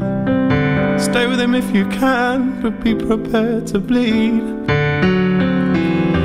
You're my blood, you're my holy wine. You taste so bitter and so sweet. Oh, I could drink a case of you, darling. A Case of You, nummer van Johnny Mitchell hier in die prachtige versie van eh, James Blake. Ishaïd Amouf, ik eh, had jou naar jouw favoriete liefdeslied gevraagd. Ja, en dat is dat dus... was een heel moeilijke vraag. ja, ja. om er zo eentje uit te pikken. Ja, ik heb hetzelfde met films ook. Is Zo, er zijn er zoveel op Maar zoveel dit is een mooie keuze. Het is een hoor. prachtig liedje. Ja. Je bent op dit moment aan het toeren met Saint-Amour. Je staat op het podium met eh, Dimitri Verhulst, Gaia Scooters, Roderick Six, Jeroen Teunissen, Fleur Pirets. Gaat het daar over de liefde backstage? Praten jullie daar over het wezen van de liefde? Absoluut niet. Nee? Nee, helemaal niet. Ik denk dat dat zo'n moment is waar dat we... eh, een, een geweldig moment om uit te wisselen eigenlijk over elkaars ervaringen. eh, soms wel actualiteit en dan onze meningen uiten. Ik denk zo echt een doorsnee gesprek dat je hebt met, met, met, met eh, ondertussen wat collega's. Eh, Maar het is niet zozeer dat we allemaal met een pen en Dan papier... stel ik aan jou de vraag, wat is dat, de liefde? Ich? Dat is opnieuw een moeilijke vraag. Eh, soms denk ik dat. soms denk ik hè, dus, dat het. Of alvast, het is wanneer je het niet kan uitleggen. Iets wat je niet kan uitleggen. Het is, als, als je het niet kan uitleggen, dan, dan, dan, eh, dan is dat misschien liefde. Omdat het, het is zo genuanceerd en zo complex. En het, en ehm, het fijne eraan, als ik denk aan thema's zoals de liefde, is dat het, het, het, het, het definieert zichzelf nooit. Naar gelang wie je bent en waar je bent en hoe je groeit, het definieert zichzelf nooit, waardoor dat het een constante evolutie is. En dat vind ik wel fijn aan, aan, aan het idee van, je herbeleeft het en je leert het opnieuw, jaar, jaar na jaar na jaar. Ik wil één zin uit eh, jouw boek Het Moois dat we delen halen, waar Luc vraagt aan Sumia, weet je hoe je dat doet, 44 jaar getrouwd blijven? Dat doe je door elkaar te vergeven. Dat was het moois dat we deelden. Als Maria niet in staat was geweest mij te vergeven, was ze nooit gebleven. Ja. Vergeven, is dat het kernwoord? Het is een heel belangrijk aspect, ja. Het is elkaar. eh, vergeven betekent ook eh, zichzelf herkennen in de andere. Eh, inzien dat wat jou kwetst bij de woorden van een ander en bij het gedrag van een ander en de keuzes van een ander. eh, keuzes zijn en woorden zijn die ook in jou schuilen en ooit eens naar buiten zijn gekomen of zouden kunnen komen in de toekomst, omdat je ook niet weet in welke situatie je in de toekomst zal zijn. En misschien is dat opnieuw wel de soort van ultieme eh, verzoening, is eh, je jezelf terugvinden in een ander. En als je jezelf kan terugvinden in een ander, dan is het makkelijker van de ander te gaan houden, omdat je ook van jezelf wil houden ergens. En wetende dat jij dan leeft in iemand anders, maakt het ietsjes makkelijker. Dus vergeven is denk ik wel een... eh, iets dat het leven net ietsjes makkelijker maakt. Ik heb diezelfde vraag over de liefde vorige week ook gesteld aan Raymond van het Groenewoud. En hij vroeg ons toen om het liefdesgedicht van de Libanese schrijver Khalil Gibran te lezen. Hebben we ook op onze website gezet. Staat daar trouwens nog altijd uit het boek De Profeet. Niet toevallig ook jouw favoriete boek, hè? Ja, er zijn heel wat mensen die... Jullie hebben het online geplaatst en heel wat mensen hebben mij getagd die Ja? naar mijn voorstelling zijn gekomen. Ja, omdat ja. ik het boek gebruik in mijn voorstelling. Alvast een citaat gebruik. En welk citaat gebruik jij precies? Ehm, het is een hoofdstuk eh, over geven en hij zegt op een bepaald moment... ehm, ik hoor jullie vaak zeggen, ik wil wel geven, maar enkel aan degenen die het verdienen. Maar dat zeggen de bomen in de boomgaarden en de koeien op de weide niet. En eh, dat was iets dat ik heb gelezen tijdens mijn reis naar terug naar eigen land. Eh, en dat, dat, dat, dat heeft me ontzettend veel geholpen. En dat is een soort van rode draad die ik probeer nooit te vergeten in mijn leven. Is niet starten vanuit, of zo min mogelijk proberen te starten vanuit de keuze van mijn gedrag en, eh, en mijn eigen keuzes. Dat niet start vanuit wat ik denk dat een ander verdient. Wat verdien jij wel of niet? En op, op basis daarvan gaan bepalen wat ik nu ga doen tegenover jou of zeggen. Maar gewoon starten van, oké, wat is mijn, mijn taak? Mijn soort taak. En organismes in de wereld hebben een soort van taak, eh, organische taak. Wat, zou die van, wat zou die van mij zijn? Wat zou ik, desondanks mijn omgeving, desondanks de moeilijkheden, desondanks de mensen die tegenover mij staan, wat ze zeggen, wat ze doen, positief of negatief, wat is de constante die ik altijd moet houden? Wat zou ik altijd moeten proberen te geven? En dat is voor iedereen anders natuurlijk. Maar dat, dat vind ik wel een van de grootste uitdagingen. En ik heb zo het gevoel van, oké, als ik eruit geraak, als ik daar een antwoord voor mezelf op kan formuleren, dan, dan heb ik wel het gevoel dat ik werkelijk door een soort groei ben geweest. En, en dat, dat ik, dat ik eh, misschien wel gelukkiger door het leven zal stappen. Want eh, eh, ik wat is dan volgens jou jouw taak? Is het, ook al is het misschien naïef de wereld proberen te verbeteren? Is dat Nee, wat jij nee, ik denk, ik- probeert? nee, ik denk dat het echt vanuit. eh, ik denk dat het kleiner is dan dat. Ik denk, ik denk, ik denk dat het gaat zoals voor sommige mensen vergeven. Eh, dat is wat dat ik altijd zou moeten proberen. Of begrijpen. Dat is iets wat ik altijd, desondanks wat iemand zegt of doet, ik zou altijd moeten proberen, proberen te begrijpen waarom ze dat zeggen en doen. Ehm, of empathie. Of, eh, ik denk dat het echt in de, in de kleine zaken is. Niet zozeer de grote werken die je zou kunnen doen en iets proberen te verbeteren, maar echt gewoon ja, die allerkleine, de kleinste keuzes die je in je leven kan maken. Dat zijn meestal de belangrijkste, omdat we vaak, als het gaat over verandering, we dromen heel vaak van het, het allermoeilijkste te verwezenlijken, terwijl dat we de, de makkelijke zaken ook niet, niet meer doen of niet meer willen zien. Ehm, en als we daar persoonlijk zouden starten, ja, een verandering begint ook vaak van beneden af. En dat zijn, beneden zijn de kleine keuzes die je kan maken.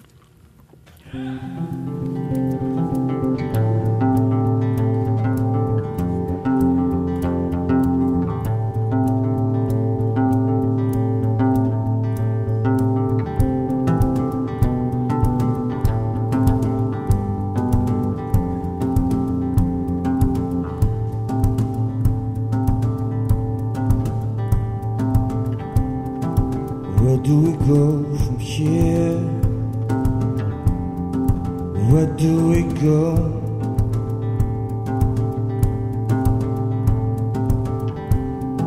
And is it real or just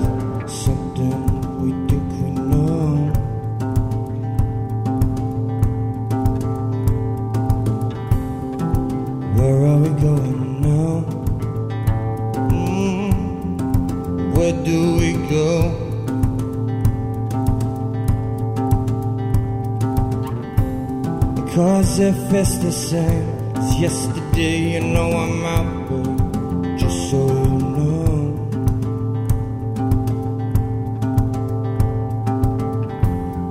Because, because our paths crossed. Yesterday was our and all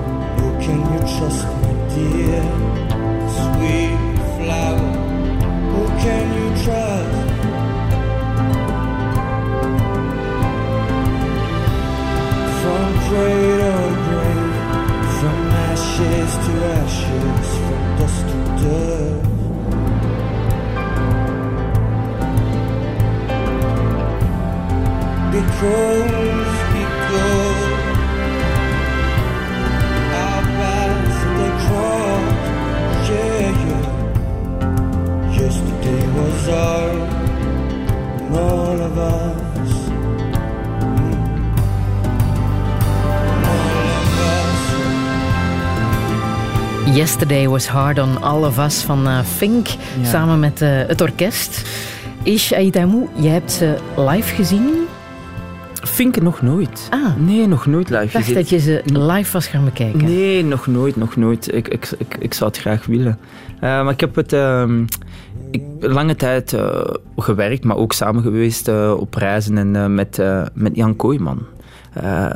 En ja, hij is een enorme muziekfan. En ik heb heel wat artiesten via hem ontdekt. En Fink was er eentje van. En dat is altijd zo'n soort van link als ik Fink... En ik vind het nummer prachtig, maar dan denk ik aan mijn tijden samen met, eh, met eh, de grote broer van, eh, van, van Nederland, Jan. Ja. Ondertussen heb je een niet alleen professioneel druk leven, maar ook privé een druk leven met twee kleine Ja. zoontjes. Ja. Drieënhalf en zes maanden? Ja, ongeveer. Ja, ja.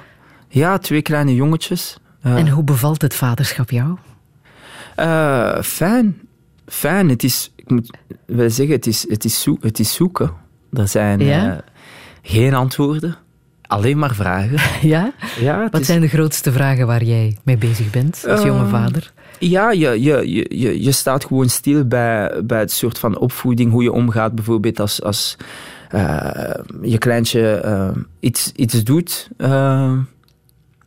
hoe, hoe dat je daarop reageert. En ook vind ik, eh, waar dat ik vaak stil bij sta, is hoe dat ik sommige zaken definieer of ze juist zijn of niet. Ik ga bijvoorbeeld, eh, ik heb iets met eh, bijvoorbeeld plassen en zo. Als ik, mijn, als ik mijn jongens zie spelen ergens waar het vuil is of modder, ik heb daar een heel slechte reactie op. Ehm, mijn vrouw daarentegen helemaal niet.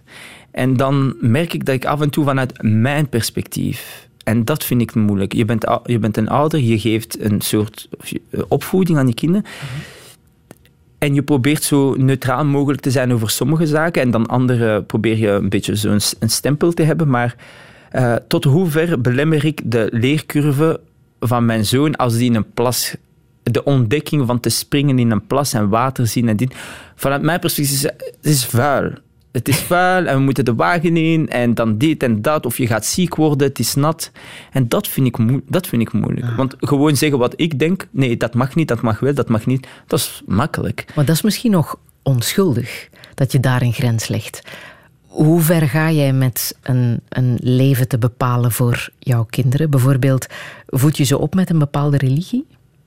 Wel, ze, ze zijn te jong daar, daarvoor. Heb je daar al over nagedacht? Uiteraard, je denkt daar altijd over na. En, en je, ik, ik wil ze wel meegeven eh, eh, wat ik heb meegekregen vanuit de, vanuit de religie. Maar bijvoorbeeld in, op hun leeftijd is er, is er weinig eh, toe te passen, behalve op jezelf. Dat, jij, dat zij jou zien in het rustig zijn en vriendelijk zijn en speels zijn, wat ook allemaal belangrijke waarden zijn in de islam bijvoorbeeld, als het gaat over de opvoeding van je kinderen. Je spelen met je kinderen eh, alsof jij zelf een kind bent. Dus dat zijn die dingen die, die je gewoon doet, omdat je ze altijd zo hebt meegekregen en altijd zo hebt gezien.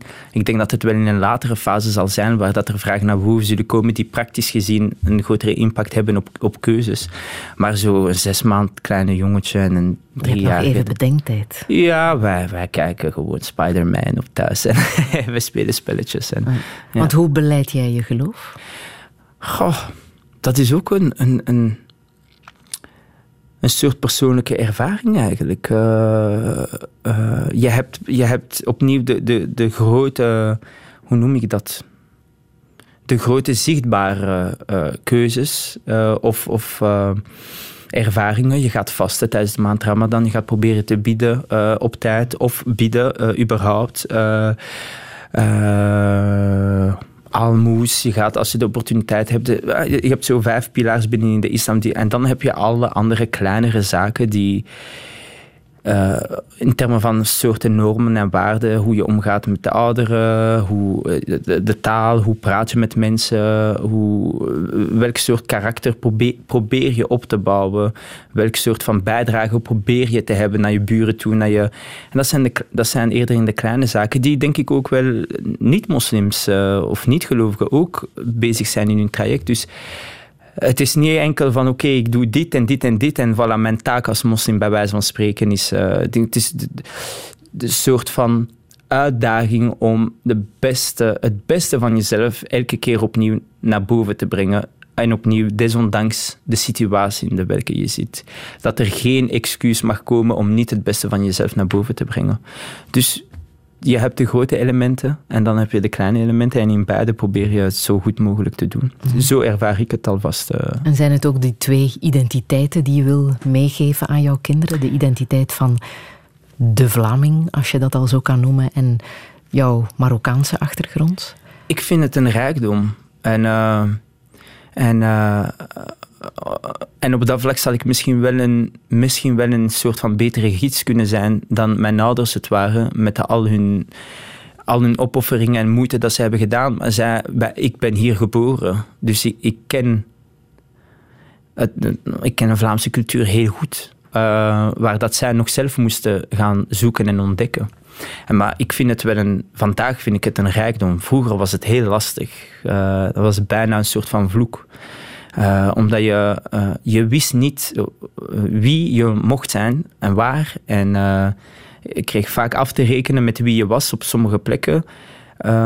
Dat ik vandaag wel denk van, wauw, wauw, vandaag is het een rijkdom. Want ik kan echt vanuit een soort van onderzoek, een, een palet van, van informatie, van cultuur, van taal. Van, er zijn veel meer deuren die open zijn. Ehm, want dat is zeker iets dat ik wil meegeven. Ik vind, ik vind ja, cu- cultuur belangrijk, talen vind ik ontzettend belangrijk. En dat zijn allemaal zaken die ik zeker wil meegeven aan mijn kinderen. Het is een zin, denk ik, uit jouw boek Het Mooiste dat we delen. Vlaanderen bestaat binnen 30 jaar niet meer. De invasie is al begonnen. Ja. Ja, dat is iets dat ik steeds vaker te horen krijg of heb eh, gehoord gekregen. Er wordt gezegd in, eh, ik denk in de kantine, eh, alvast in Lux zijn omgeving, de mensen die, die in de omgeving van Lux zijn. En dat is zo dat, dat, In dat omvolking, ja, in dat gesprek. En dat is zo, dus, omvolking, hè, zo. Ik denk van Camus. Begrijp je die gedachte? Dat mensen ja, daardoor angstig worden? Nee, omdat ik. Enfin, opnieuw, want ik vind altijd. Dat is een goede vraag, want ik vind altijd een groot verschil tussen. eh, Of ik weet niet hoe mensen begrip definiëren. Ik kan begrijpen dat het wordt gezegd, maar ik kan het niet. Ik ben het niet mee eens. Dus als de vraag is van begrijp je dat er mensen zijn die dat zeggen of voelen? Ja, omdat ze er ook zijn. Dus dat is een realiteit. Maar mijn ervaring is ook een heel andere ervaring. Omdat ik zo. Kijk, als ik deel maak van, als ik deel zou maken van die omvolking, ja, dan zie je mij eigenlijk als een soort ander volk. Daar start het al. Terwijl dat ik mezelf zie als niet een ander volk. Dus discrepantie begint daar al. Dus naar gelang hoe dat je kijkt naar andere mensen, is je ziensbouw al heel anders. Als jij mij ziet als echt, echt, echt zoals jou, dan, dan is dat ook niet van toepassing. En ik denk, dit wordt heel vaak gebruikt op toepassing op generaties die al hier, al, mensen die al hier een paar generaties zijn. Dat hele idee van omvolking, en, eh, wat ook heel groot in Frankrijk is, dat al sinds de oorlog in Algerije, dat Algerije naar eh, veel mensen naar hier zijn gekomen, eh, naar Frankrijk zijn gekomen, dat die na drie, vier generaties nog altijd worden gezien als een soort van invasie. Dus het gaat allemaal over hoe dat je kijkt naar de ander en daar start dus een soort van definitie. En denk je dat dat eruit zal gaan bij de volgende generatie, bij jouw kinderen? Dat daar veel minder verschillen zullen zijn? Ehm, ik hoop het wel. Ik hoop het wel. Uiteraard, er zijn altijd uitdagingen, en dat zullen er altijd zijn, maar ik hoop dat de uitdagingen die er zullen, eh, dat het andere soort uitdagingen zijn. Ik hoop dat het, eh, het eindelijk een gegeven zal zijn dat eh, eh, mensen die hier zijn geboren en hun ouders hier zijn geboren, dat daar geen discussie meer is dat het Vlamingen zijn. Ik denk dat dat eh, een heel gezonde startpunt zou zijn en dat we dan de andere uitdagingen aanpakken, zoals eh, wat we doen met eh, onderwijs en pensioen en armoede en kinderarmoede, dat daar evenveel vuur en passie in gestoken zal worden. Ehm, maar dat we niet stilstaan bij derde, vierde generatie mensen en nog altijd de vraag stellen of ze echt Vlaming zijn of niet. Dus ja, en het zou kunnen dat mijn kinderen daar ook mee opgroeien, maar eh, ik ben blij dat ik op dat vlak een paar antwoorden klaar zal hebben voor mijn kinderen en dat ik ze op de best mogelijke manier en de meest positieve manier zal kunnen aanmoedigen om hun eigen zoektocht aan te gaan en, en het, eh, het beste van zichzelf te geven aan, eh, aan hun omgeving.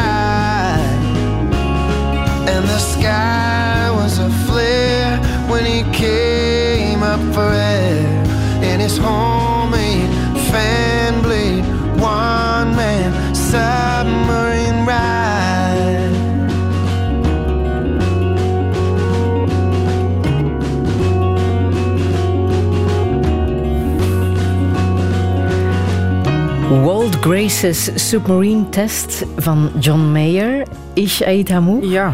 Deze heb je wel gezien, dacht ik. Die heb ik wel live Ja. gezien in Rotterdam. Deze Ja. heb ik wel live gezien. Een van mijn lievelingsartiesten ook. En eh, voor de mensen die het li- liedje hebben gehoord en de dromers onder ons, is een heel belangrijk liedje. Als je luistert naar het verhaal, het gaat over een, een gast in een café die aan zijn vrienden zegt dat hij een, een eh, onderduiker wil bouwen. En iedereen lacht hem uit.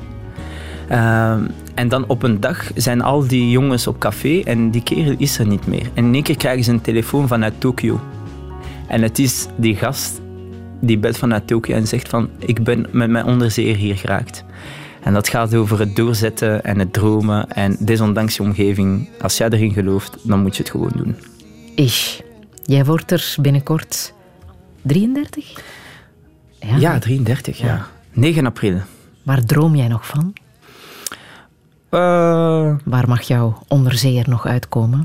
eh, ja, films. Ik zou heel graag eh, een paar verhalen willen verfilmen. Daar ben je ook concreet mee bezig, hè, met jouw broer. Met mijn broer. En We zijn aan een langspeelfilm aan het werken, of aan het schrijven. Waar droom ik nog van? Die lunchbar, De Vrij, Ja, komt die er? Die, die komt er. Die In komt Vilvoorde. in Vilvoorde op de Noëlla 57. Eh, ja, ook zo'n nieuw avontuur gestart met, met Dirk, eh, man, een van eh, mijn beste maten, die een enorme passie heeft voor koken. En ik ging altijd werken in Revolver 57, dat is waar dat we nu gaan opengaan. En eh, een pra- prachtige, fijne dame, Veronique. En helaas heeft ze moeten sluiten, want ze was ook een lunchbar. En, en eh, toen dacht ik van, ja, deze plek mag gewoon niet sluiten, omdat ik vond het echt een, een geweldige plek. En iedereen kwam daar en het was heel fijn. En toen een gesprek gehad met Dirk. En Dirk werkte in zo'n, ja, zo echt een bedrijf, bedrijf. En ik zei, kijk, het is now or never.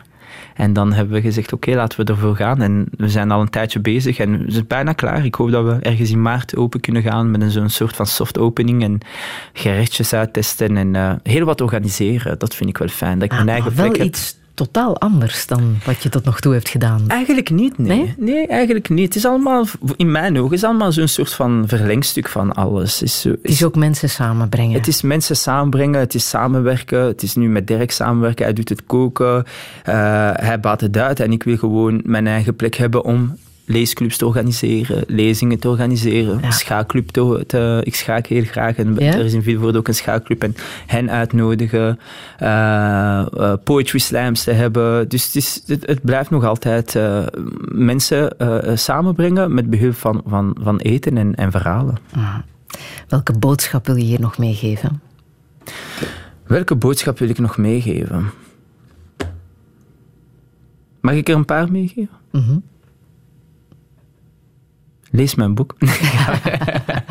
nee, welke boodschap? Eh, ik zou het eigenlijk niet zo goed weten. Ik, eh, zorg goed voor jezelf en elkaar, dat is wat ik altijd zeg. En het is eh, simpel en voor sommige mensen cliché. Ik zie al mijn Twitter-feed ontploffen met eh, wat is dat nu? Maar ik, ik, er is niks anders dat ik denk ik zou kunnen zeggen. Ik, zoals ik zei, ik, voel me ook niet in een positie waar ik kan zeggen van doe dit of doe dat of dat gaat helpen. Is gewoon luister zo goed mogelijk naar jezelf.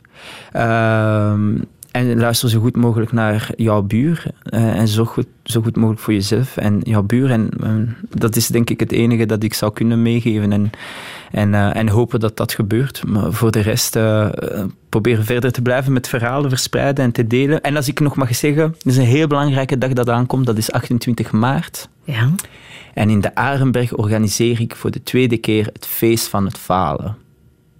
En dat is een dag dat, dat in teken staat van faalverhalen. Waar dat we allemaal faalverhalen gaan delen op verschillende manieren.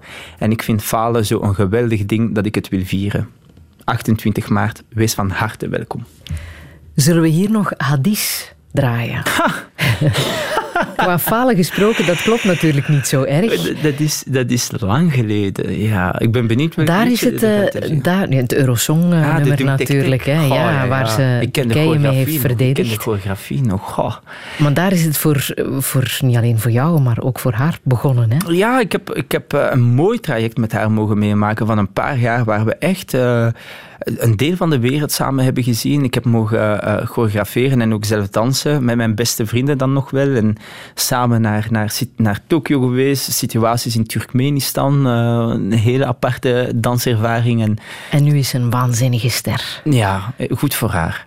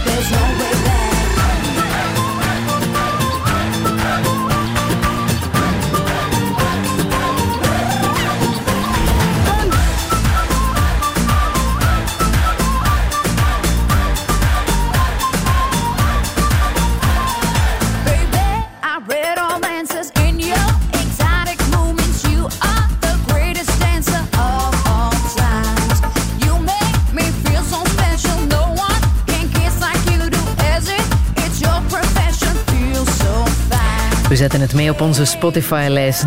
Tek Tek en Hadis. Ik wil jou bedanken, Ishaid Hamou, voor dit fijne gesprek. Jij bent bedankt voor de uitnodiging. We zetten alle informatie op onze website radio1.be onder de titel Wat raakt Ish Amou.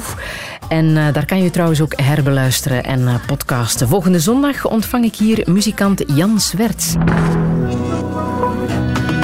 Radio 1.